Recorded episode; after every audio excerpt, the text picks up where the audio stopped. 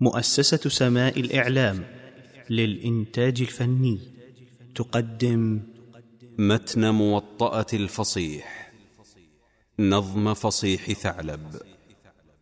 للإمام المقرئ الأديب مالك بن عبد الرحمن الشهير بابن المرحل المالقي الأندلسي. حققه وعلق عليه عبد الله بن محمد سفيان الحكمي. راجعه وصححه وزاد عليه. فضيلة الشيخ محمد الحسن الشنقيطي.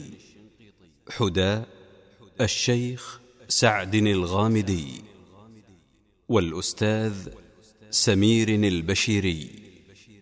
والأستاذ إياد موسى. مقدمة.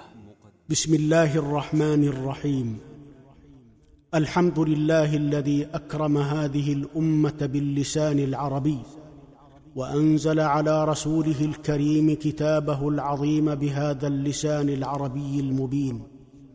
وصلى الله وسلم على من شرف تعالى هذه اللغة بإضافتها إليه عليه الصلاة والسلام فقال فإنما يسرناه بلسانك. ورضي الله عن صحابته أجمعين. وعلى من تبعهم بإحسان إلى يوم الدين. وبعد فإن المساحة المخصصة للتقديم لهذا المتن ضيقة جدا نظرا لطوله من جهة ولحرصنا على إخراجه في شريطين من جهة ثانية.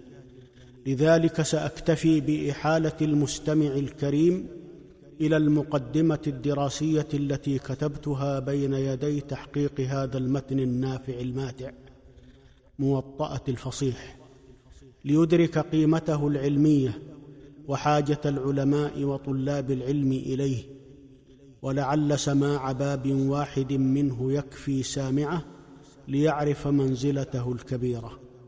وقبل أن أختم هذا التقديم الموجز أود أن أنبه على بعض الألفاظ الواردة في هذا المتن في الأبيات ذات الأرقام مئتين واثني عشر وثمانمائة وخمسة وثلاثين وألف ومئتين وثمانية وخمسين مبينا أنها من قبيل الحكاية عن العرب وليست من قبيل المناهي اللفظية لأن الإمام ثعلبا حكاها عن العرب وتبعه عليها الإمام ابن المرحل رحم الله الجميع. ومثل هذا في معاجم اللغة كثير. وفي الختام أود أن أشكر من كان السبب في التعجيل بتسجيل هذا المتن الفريد وهو شيخ فاضل من أهل العلم اشترط علي عدم ذكر اسمه وكم له من فضل على هذه السلسلة.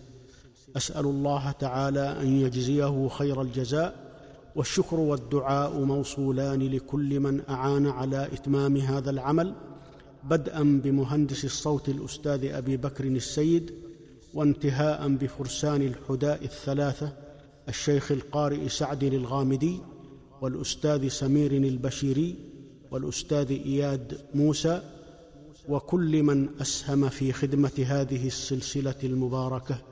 والسلام عليكم ورحمة الله وبركاته.